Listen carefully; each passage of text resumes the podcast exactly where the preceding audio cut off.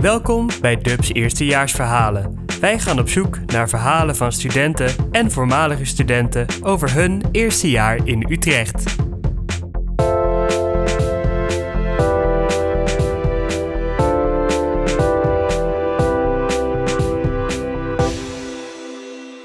Ik ben Thomas, ik studeer natuurwetenschap en innovatiemanagement en dit is mijn eerstejaarsverhaal.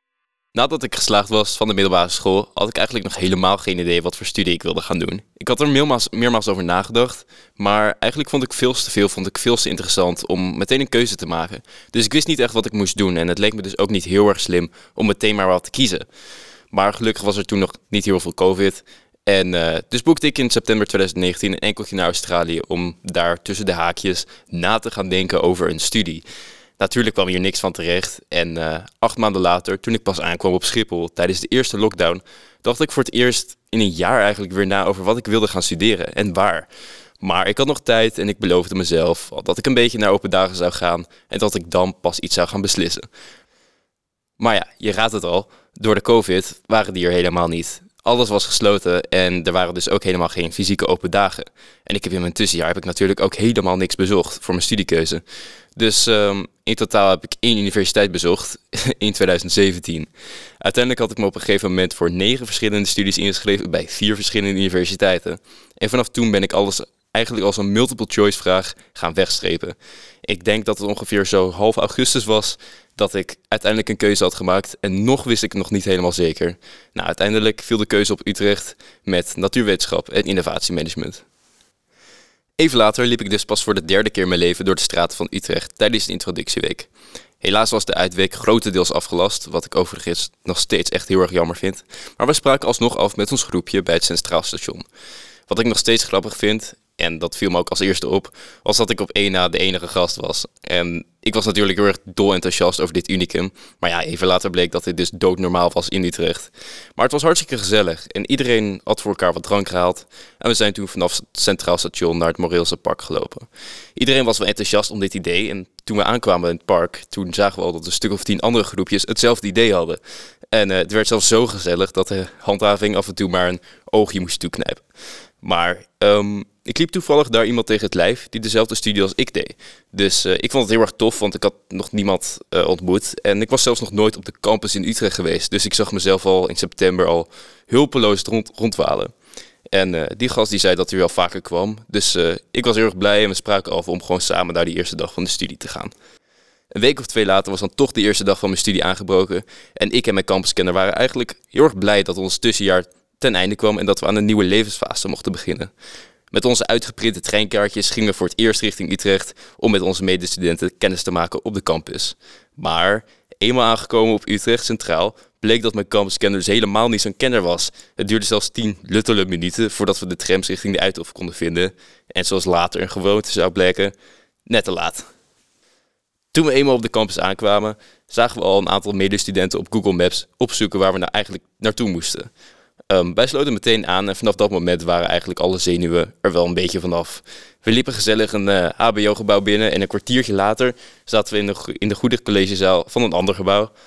En uh, het was hier eigenlijk gewoon meteen feest. Het voelde weer als zoals, uh, zoals vanouds in de middelbare school lekker keten met je klasgenoten. Het was gezellig en ik merkte wel dat ik hier aan toe was. In mijn tussenjaar heb ik dit natuurlijk helemaal niet gehad en onbewust had ik het toch wel gemist het voelde gewoon weer fijn om met een paar medestudenten degene voor in de klas lekker weer af te leiden. En uh, het merkte wel dat het sociale contact mij ook wel goed deed.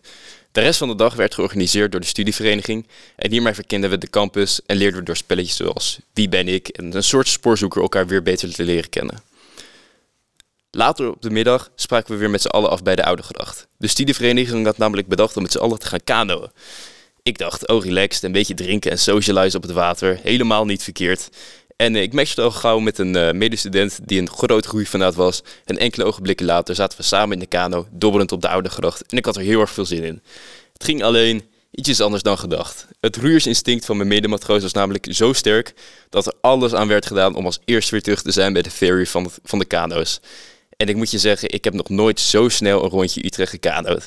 In het begin dacht ik van, nou ja, weet je, laat die vent maar gaan. Hij is fanatiek. Wij, uh, wij dobberen gewoon achterin de boot lekker mee. Maar ja, dan, dan kan je ook niet als een stuk bagage daar achterin blijven zitten. Dan, dan moet je ook wel meedoen, anders is het ook weer zo lullig. Dus nou, ik, ik ging ook hartstikke fanatiek meeroeien. En uh, ik, kan me niet eens meer hoe vaak herinneren we wel niet tegen andere boten aanbotsten of tegen geparkeerde boten of dat we in de ronde gingen. Maar het was echt genieten. Het was hartstikke leuk. Um, het was een hartstikke mooie dag, ook in de zon.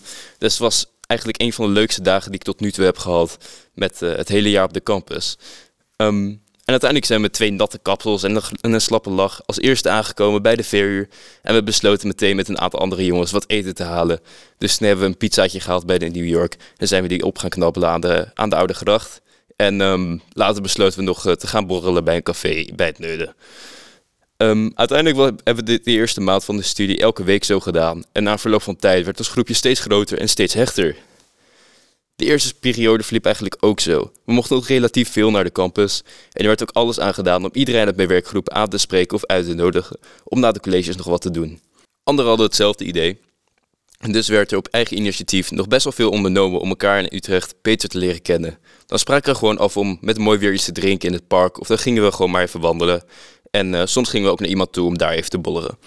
Ik vond het heel erg belangrijk om elk moment dat je in contact was met je medestudenten, het ook goed te benutten om elkaar beter te leren kennen en met elkaar echt een goede band op te bouwen. Dit deed ik ook tijdens mijn werkcolleges online. En dan was het echt heel erg leuk als je weer eens op de campus kwam en dan werd je herkend door iemand van je medestudenten die dan ja, die je eigenlijk nog nooit had gezien. Maar je werd wel aangesproken, soms zelfs bij naam. En dan kwam ik er weken later achter dat diegene uit mijn werkgroep kwam. Maar het is wel heel erg leuk dat je dit soort kleine dingetjes hebt die nog wel wat het gevoel, die je nog wel het gevoel gaven dat je echt een student bent in Utrecht. Het gaf mij ook mijn enthousiasme om wie dan ook aan te spreken als ik gewoon uh, iemand tegenkwam om een praatje mee te maken of zo op de campus.